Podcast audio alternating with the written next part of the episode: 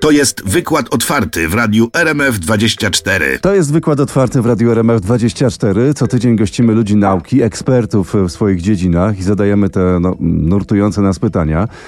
Dzisiaj z nami pan dr Paweł Sutkowy, Uniwersytet Mikołaja Kopernika w Toruniu, którego zaprosiłem, żebyśmy porozmawiali o tym, e, co dzieje się w naszym ciele, gdy robi się zimno i jak to zimno na nas e, wpływa. Witamy serdecznie, panie doktorze. Dzień dobry, witam serdecznie. Pan lubi, gdy robi się zimno? Jak każdy chyba nie, chyba że specjalnie tego chce, ale raczej wolę w cieple przebywać, chyba jak, jak każdy z nas. Czyli raczej ciepłolubny. Panie doktorze, rzeczywiście Raczej tak. wtedy dotyka nas zimowe spowolnienie, jak robi się zimno? Raczej tak, raczej tak, bo no pamiętajmy, że jesteśmy organizmami stałocieplnymi. Yy, Organizm reaguje na wszelkie zmiany, czy to, to jest wyższa, czy niższa temperatura. My musimy sobie te różnice rekompensować odpowiednio. No przy niższej temperaturze yy, my musimy to ciepło sobie wytworzyć albo je dostarczyć. Ale też odruchem naturalnym jest y, ubieranie się cieplejsze, czy przechodzenie do cieplejszych pomieszczeń. Y, To jest też y, y, właściwie mechanizm termoregulacji, właśnie związany, związany z naszym zachowaniem. Więc y, no, o tym trzeba pamiętać. Mhm. Czy y, dosięga nas jakieś zwolnienie? Tak, dosłownie nawet można tak powiedzieć.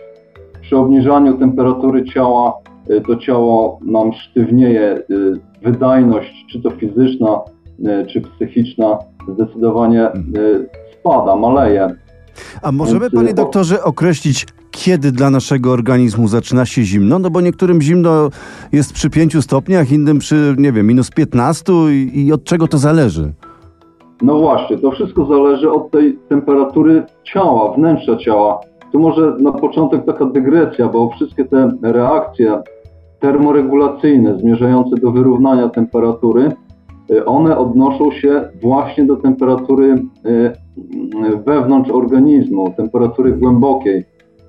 Wszystkie te temperatury, które tutaj za chwilę podam, one są też temperaturami średnimi, przeciętnymi, ale też najczęściej y, obserwowalnymi. Dlatego, y, dlatego podaje się właśnie takie, takie wartości.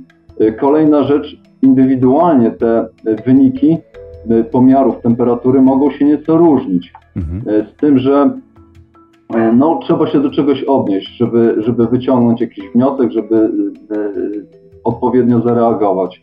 Więc wracając y, do pytania, kiedy nam się robi zimno. Mhm. Przyjmuje się, że robi nam się zimno, jak temperatura właśnie ta wnętrza ciała y, osiągnie około 36,5 stopnia Celsjusza. Y, Jeśli mogę, od razu druga dygresja, Mhm. y, bo to jest dosyć ważne. Tą temperaturę y, przecież trzeba jakoś zmierzyć. Y, No, robimy to y, wkładając termometr y, pod pachę w dole pachowym. W dobry sposób, sprawdzony. Robimy to y, w ustach, pod językiem. Też dobry sposób. Y, Można to obecnie robić za pomocą termometru na podczerwień. Y, Celuje się wtedy tym laserem na podczerwień dokładnie na błonę bębenkową. To jest granica między uchem zewnętrznym a wewnętrznym. Ona dość dobrze powinna oddać temperaturę wnętrza ciała. Mhm. Niestety z doświadczenia wiem, że nie jest to takie proste. Niektórzy mają dość wąski ten, ten kanał słuchowy. Mhm. Y, Ciężko jest po prostu to dokładnie wykonać y, u takich osób. Czyli takie Nie. mierzenie, jak się popularnie robi na czoło, to jest złe mierzenie. To nie uzyskamy tej właściwej temperatury. Zdecydowanie tak, to jest Mhm. złe mierzenie. I jeszcze weźmy pod uwagę to, w jakich warunkach mierzymy. Czy, czy ta osoba chwilę wcześniej dosłownie wyszła na jakieś zakupy przykładowo, prawda? Aha, tak, tak. Czyli wyko- wykonała jakieś minimum aktywności fizycznej. Czy ta osoba przed pomiarem jednak y, sobie siedziała w spoczynku przez y, kilkanaście, kilkadziesiąt minut. Czy ta osoba jest zestresowana, czy nie. Mhm. To wszystko wpływa na naszą y, ciepłotę organizmu, naszą temperaturę. Poza tym, no jeśli mierzymy temperaturę w takim okresie jesienno-zimowym, Mhm. no to ta temperatura na czole będzie bardzo nieadekwatna. To będzie bardzo zakłamany wynik. No, mamy skórę schłodzoną, chy, chyba że będziemy przebywać odpowiednio długo w pomieszczeniu, żeby, żeby ta temperatura skóry też się wyrównała. Y, no, najdokładniejszy pomiar uznaje się y, rektalny. Y, To temperatura mierzona doodbytniczo. Mhm. To naj- najlepiej oddaje to temperaturę wnętrza ciała. Poza tym kolejna rzecz, y, proszę zauważyć, czy może nie każdy jest tego świadomy, ale w ciągu doby ta temperatura u każdego z nas też się zmienia. Mhm. Y, W, no, w nocy, w godzinach tak od, od, od pierwszej do, do piątej y, ta temperatura jest najniższa. Wtedy śpimy, y, aktywność organizmu jest, jest najniższa, więc temperatura też odpowiednio jest najniższa. Po południu, przy najwyższej aktywności w godzinach popołudniowych, to jest najczęściej najwyższa temperatura. Y, U kobiet kolejna rzecz, y, w cyklu menstruacyjnym, w czasie menstruacji ta temperatura jest najniższa, w czasie owu- owulacji najwyższa, więc te kwestie płci też trzeba brać pod uwagę. Mhm. Y, I, i pamiętając o tym wszystkim, no jeszcze pomiary, no właśnie, pomiary, czy to na czole, czy na innych miejscach skóry, nie są dokładne. Skóra y, najczęściej ma znacznie niższą temperaturę w spoczynku Mhm. niż, niż temperatura wnętrza ciała.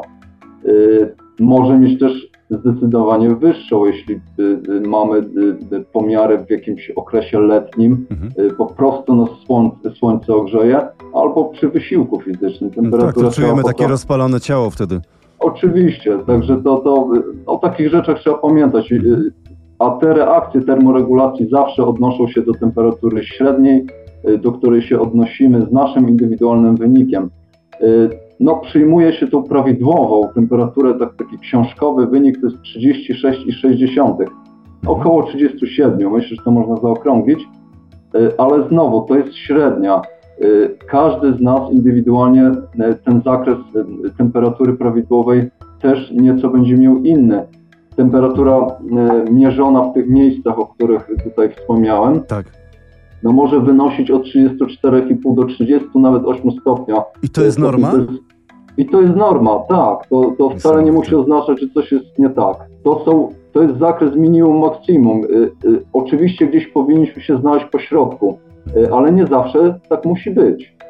Y, więc, więc wracając, no tutaj jak przy, ta temperatura obniży się wnętrza ciała do 36,5, y, powinniśmy y, czuć wtedy właśnie chłód, zimno. A jak wraz z wiekiem zmienia się e, ta temperatura naszego ciała?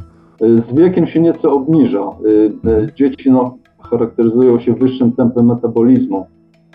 Ta temperatura może być nieco większa. Panie doktorze, no właśnie, wróćmy jeszcze do tego, co pan powiedział e, przed chwilą.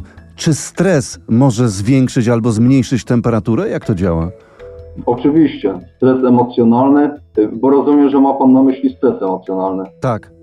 Y, Bo, y, tak, bo to jest też szerokie pojęcie. S- y, Stres y, może być też fizyczny, chemiczny, biologiczny Aha. dla organizmu. No jakikolwiek byśmy. Tak. emocjonalny, ale jakikolwiek byśmy nie rozpatrywali, to Mhm. Stres, czynnik stresogenny to jest obciążenie dla organizmu. To jest, Mhm. to jest y, włączenie w organizmie jakichś mechanizmów obronnych, kompensacyjnych. Mhm. Zimno czy nadmiar ciepła też za taki y, organizm uważa jak, jako organizm stałociepny, więc odpowiednio reaguje. Y, Tak, y, to jest, y, no to jest stres konkretnie. Jeśli mówimy tutaj o psychicznym czy, czy nadmiarze, no to to, jest, to podnosi temperaturę ciała. Zdecydowanie tak. Inaczej oczywiście w, w sytuacji tego stresora termicznego o niższych wartościach. No zimno, tak jak wspomniałem, też może być, czy jest traktowane przez organizm jako stresor, czynnik stresogenny, no to wtedy oczywiście ta temperatura jest obniżana, y, ale reakcją organizmu jest podnoszenie, produkcja ciepła. Mhm. Tylko, że no, y, to podnoszenie zmierza do wyrównania, a, a, a nie do nadwyżek, prawda? No właśnie, to o tym już za chwilę, panie doktorze. A wy słuchacie wykładu otwartego w radiu RMF 24. Trwa wykład otwarty w radiu RMF24. Dzisiaj w wykładzie otwartym w radiu RMF 24 z nami cały czas e, na łączach pan dr Paweł Sutkowy, Uniwersytet e, Mikołaja Kopernika w Toruniu.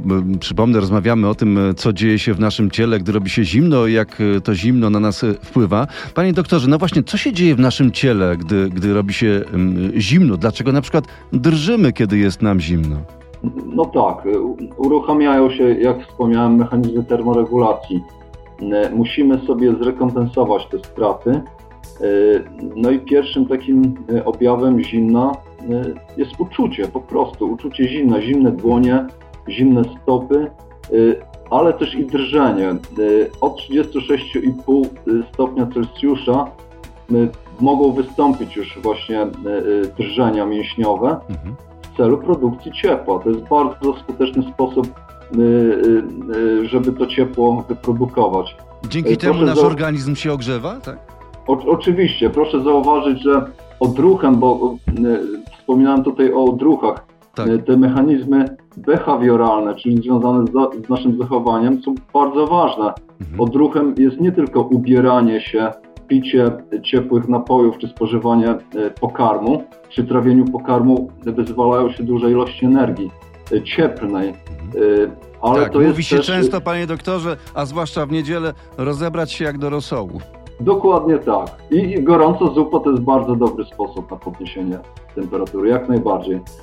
No ale ruch, ruch to jest, to jest prawdopodobnie najskuteczniejszy sposób Mhm. skurcze mięśni.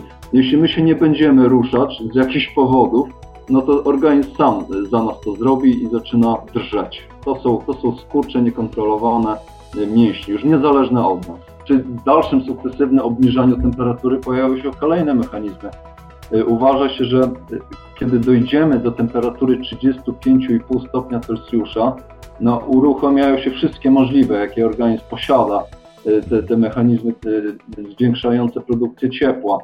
Chodzi tutaj y, oprócz y, y, wymienionych, drżenie mięśniowe to jest podstawa, ale Mhm. aktywowana jest też tarczyca.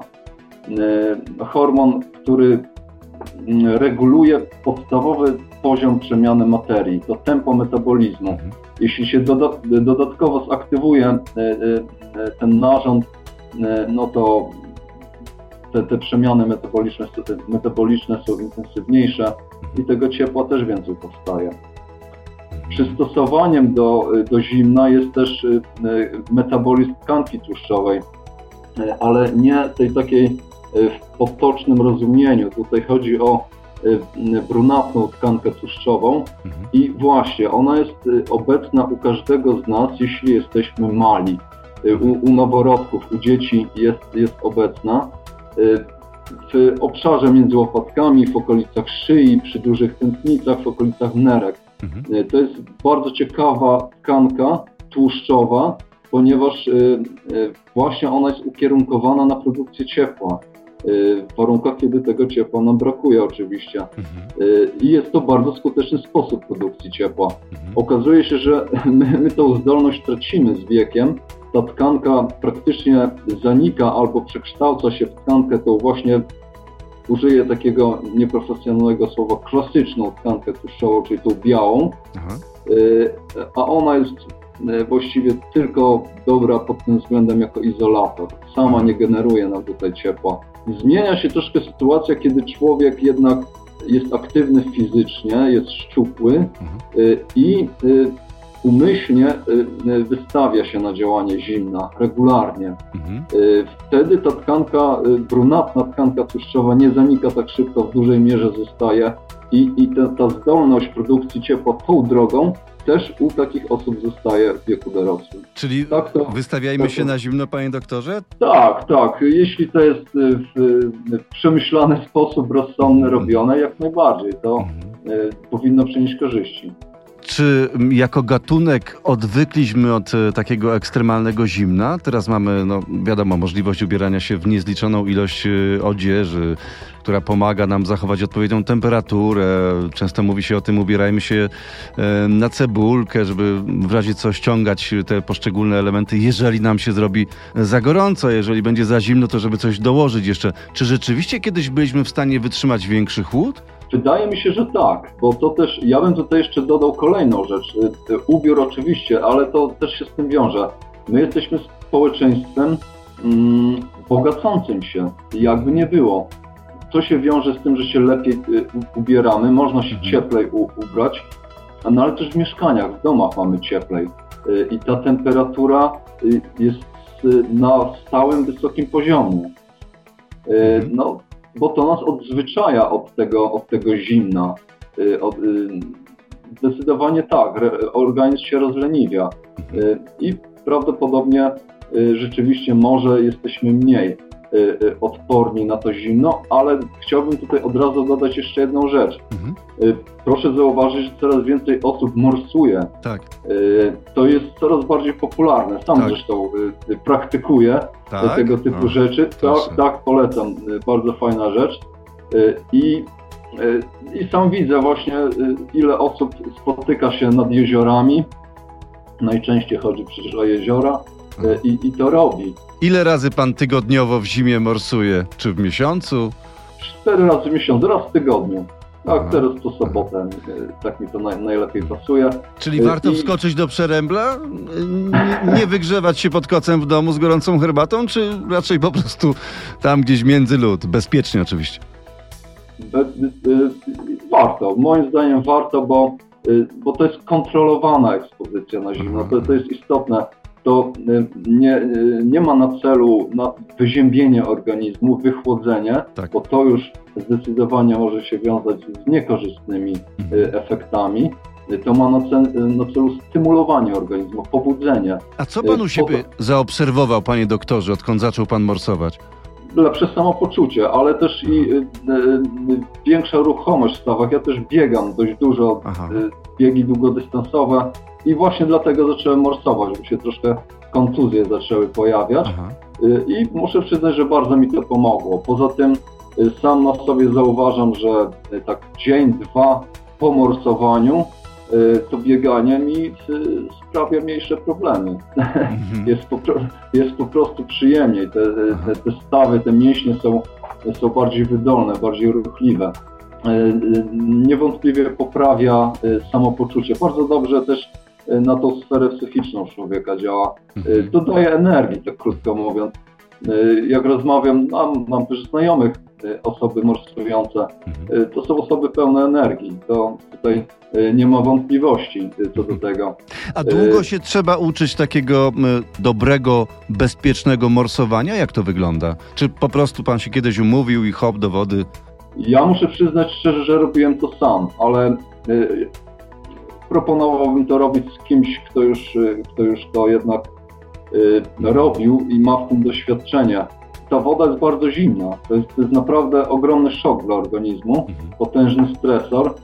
I jeśli się wykonuje coś takiego naprawdę z dużą dozą rozsądku, to, to myślę, że, że jest zupełnie bezpiecznie. Y, Jeśli ktoś się po prostu nie wie, nie czuje pewny, y, to warto zasięgnąć chociażby języka u, u takiej osoby, która to już y, robiła wielokrotnie, ma w tym doświadczenie. Mhm. Na początek bardzo delikatnie, jakieś schłodzenia po prostu na kilkadziesiąt sekund Aha. do pasa. No ja zanim zacząłem to robić, no to troszkę poczytałem na ten temat, popytałem też y, znajomych. Zresztą doktoryzowałem się z, z, takich, y, z takich tematów, Aha. więc kon, kontakt z morsami już miałem wcześniej i, i po prostu widziałem, jak oni to robią, y, jakieś tam ogólne pojęcie miałem. No i y, na początek po prostu delikatnie. Y, to, to, musi, to może być zanurzenie tylko do pasa, Mhm. pozostała część ciała może być ubrana. Y, Rękawiczki, czapka to zawsze musi być. Mhm. Y, No i dobra rozgrzewka przed, przed wejściem do wody. Mhm. Czasami, proszę mi uwierzyć, już czwarty rok y, morsuję i, i no, czasami jest taka aura, że y, w domu czy w ciepłym pomieszczeniu Mhm. jest na tyle przyjemnie, że się nawet nosa nie chce wychylić na zewnątrz. Y, Ale po dobrej rozgrzewce, no najlepiej rozgrzewka jakaś biegowa, delikatna, nie trzeba się spocić, nawet to nie jest, to nie jest zalecane, bo się można po prostu przeziębić przy, przy rozebraniu się. Aha. Y, Dobrze się rozgrzać, czyli trzeba mieć już ciepłe dłonie, ciepłe stopy. Trzeba czuć, że jest ciepło i Mhm. wtedy można wchodzić do tej wody. Mhm. A ile pan teraz wytrzymuje? No teraz y, cały się mogę zanurzyć na, na kilka minut. Y, około 5 minut średnio, ale to też zależy od temperatury, od, pa- o, czy y, generalnie od pogody, bo przy wietrznej pogodzie naprawdę długo, y, długo się nie da wytrzymać, bo ten wiatr jednak owiewa głowę, dużo się ciepło traci. i przy wyjściu, to już doświadczenie mi niejednokrotnie pokazało, trzeba brać jeszcze poprawkę na wyjście, bo, bo y, jak wiatr owiewa, no to jeszcze dodatkowo No tak. porcje ciepła się traci. Panie doktorze, to jak to wygląda z drugiej strony? Bo jak mamy podchodzić do saunowania w zimie, skoro wyskakujemy z takiej ekstremalnie wysokiej temperatury, około, nie wiem, 90 stopni, wskakujemy pod y, zimny prysznic, no taki szok dla ciała jest y, dobry i czy to naprawdę potrafi zahartować? Potrafi zahartować bez wątpienia, a czy jest dobry? No właśnie, tutaj pojawia się kwestia przeciwwskazań do tego typu zabiegów. Y, To jest czy, czy morsowanie, czy ekspozycja na skrajne zimno, bo są jeszcze inne metody, przestymulacja ogólnoustrojowa. To są temperatury jeszcze niższe, rzędu minus 100, 160, minus 160 stopni Celsjusza, Y, ale inny rodzaj też y, y, generowania tego zimna. Tam są opary ciekłego azotu. Woda też inaczej wychładza organizm. No to są, to są skrajne, skrajne odczucia. Czyli przed tak. morsowaniem i przed saunowaniem najlepiej skonsultować się z lekarzem? Najlepiej skonsultować się z lekarzem, jeśli ktoś choruje na, układu, na choroby układu krążenia. Mhm. Serce, żyły, tętnice, ale też i płuca. Układ oddechowy z y, układem krążenia są ściśle ze sobą powiązane. Y, Jeśli ktoś y, choruje przewlekle, y, no powinien się skonsulto- skonsultować z lekarzem, bo y, zależy od tego, jak, w jakim stopniu to serce ma wydolne. Y, Czasami y, to, to wcale nie musi być przeciwwskazaniem, ale najczęściej jest. Y, Poza tym choroby infekcyjne, no jak ktoś czuje, że jest chory, y, no to nie powinien z tego typu rzeczy No to do y, łóżka. y, korzystać. Gorąca to do herbata. łóżka. Tak jest, tak jest. Cytrynka y, y, i inne metody, i witaminy, a nie nie morsowanie czy, czy sauna. To obciąża przede wszystkim układ oddechowy i, i krążenia, serce. Najważniejsza sprawa. Tutaj osoby z jakimiś wadami wrodzonymi serca, czy właśnie chorobami, poważnymi chorobami serca, no to, to, jest, y, bez, no to jest zdecydowane przeciwwskazanie. Jakiś tam poziom tego zdrowia, minimalny poziom trzeba wykazywać. czego wszystkim bardzo serdecznie życzymy.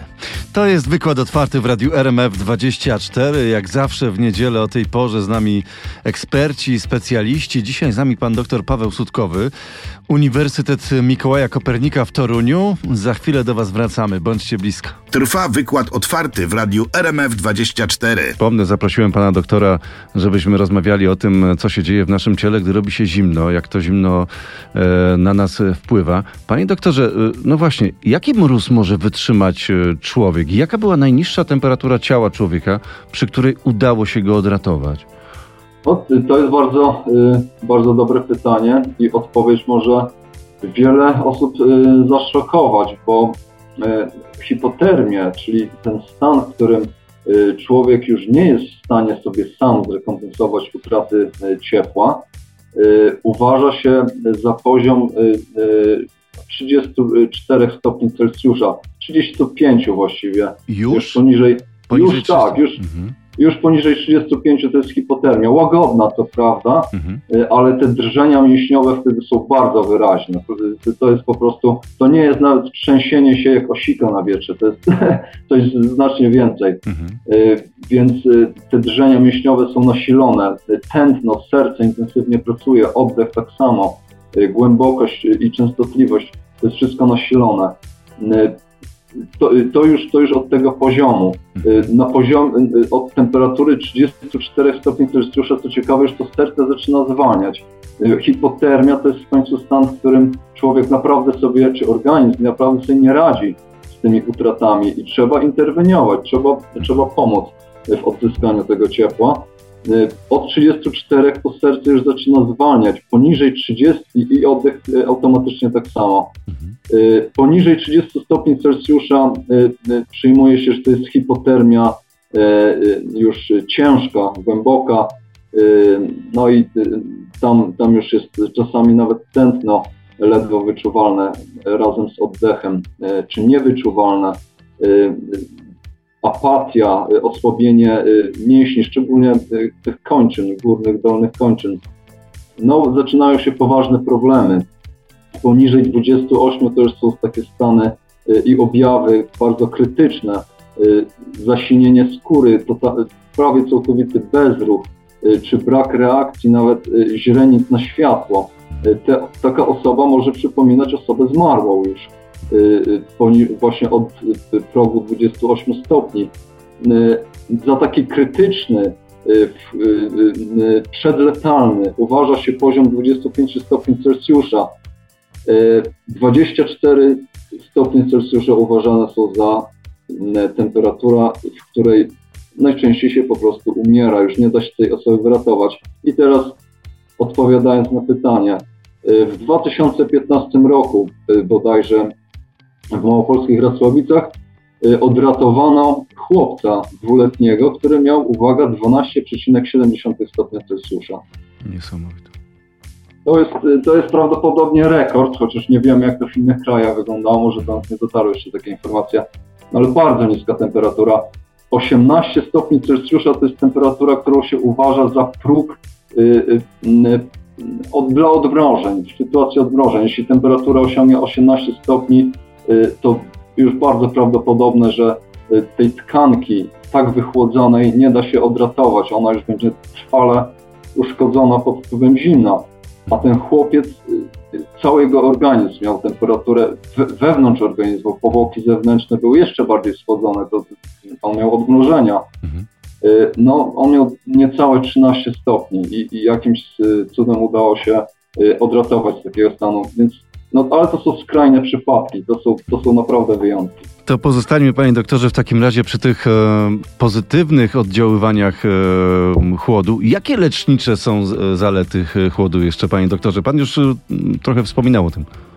Lecznicze, no, no tak, są, są, tylko e, trzeba to, jak już tutaj padło, robić naprawdę rozsądnie, e, odpowiednio. Tak. to jeszcze raz podkreślę, skupmy się już na tym morsowaniu, bo to jest też tak. takie popularne.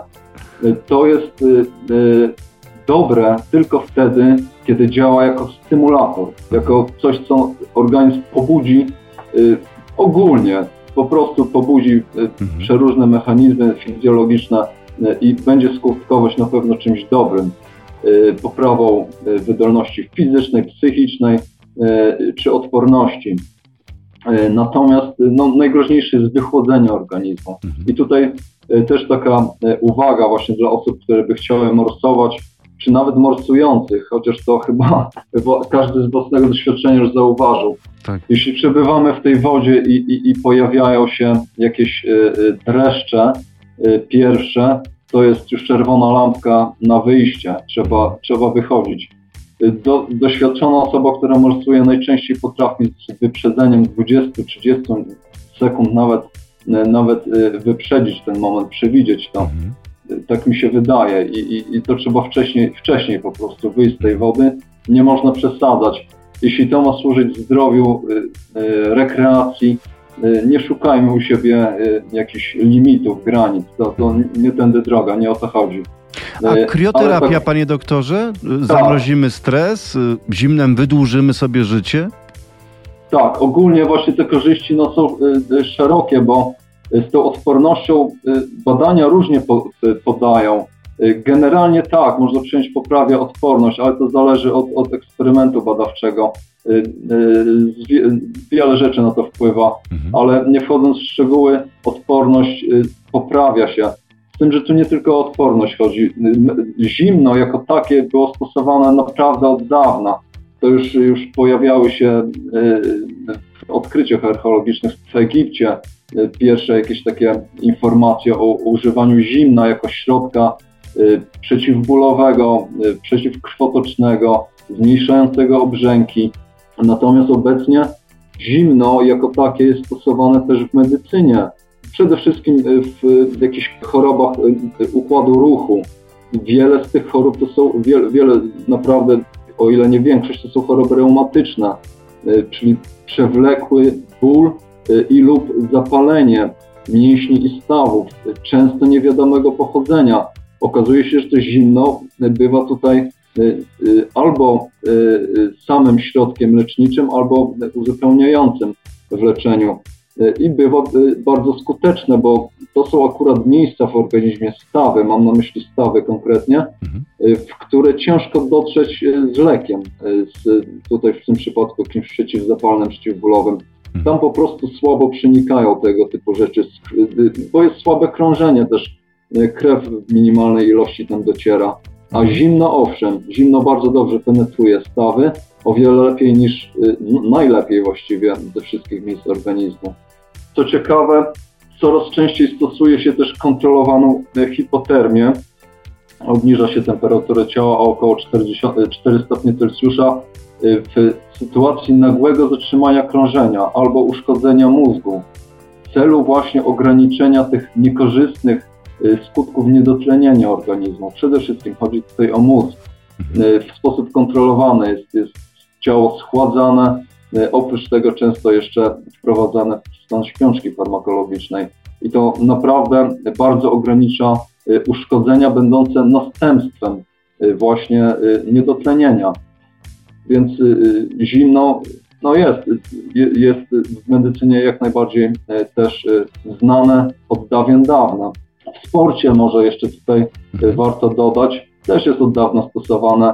Chyba każdy widział, może, może teraz już tego świat nie widzi, ale na meczu piłki nożnej, że zawodnik, który doznał jakiejś kontuzji, urazu, podbiega ekipa i mu ta, ta rato, ratownicza i, i mu po prostu temu zawodnikowi spryskują jakimś takim aerozolem, sprayem tą nogę powiedzmy, prawda? Chyba tak. każdy coś takiego widział. To jest właśnie metoda stosowania zimna. Chlorek etylenu, o ile w tej chwili dobrze pamiętam, ciecz, która przy rozprężaniu po prostu bardzo dobrze schładza uszkodzone mięśnie, co automatycznie od razu niweluje ból, obrzęk. Zimno działa od razu. To jest, to jest, to jest duża zaleta pod, pod tym względem. A w domu w zimie skręcamy w takim razie, panie doktorze, kaloryfery. W sypialni na przykład robimy zimno? Tak, i niektórzy właśnie. Niektórzy to polecają, no szczególnie na noc właśnie skręcić kaloryfer, dobrze przewietrzyć przed położeniem się do łóżka pomieszczenie, w którym, w którym się śpi, bo ta jakość snu wtedy podobno jest lepsza. Nie każdy da się, daje się na to niestety namówić. Przy chłodniejszych takich warunkach chociażby sen powinien nam się poprawić. A co z małymi dziećmi, panie doktorze? Jak go nie zadbać zimą? Czy, czy raczej zimny chów dzieci, czy ciepełko i nie wypuszczamy z domu w zimie? Pod tym względem chyba moglibyśmy się tutaj wzorować na Skandynawach. U nich jest popularny ten zimny chów.